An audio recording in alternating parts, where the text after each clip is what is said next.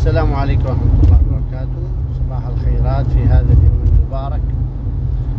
كنت أنصح نفسي وأحد الأصحاب بكثرة الصلاة والسلام على رسول الله صلى الله عليه وسلم فقلت له جرب أن تصلي عليه صلى الله عليه وسلم في هذا اليوم ألفا إلى عشرة آلاف لتجد حلاوة ذلك وبركة هذا اليوم.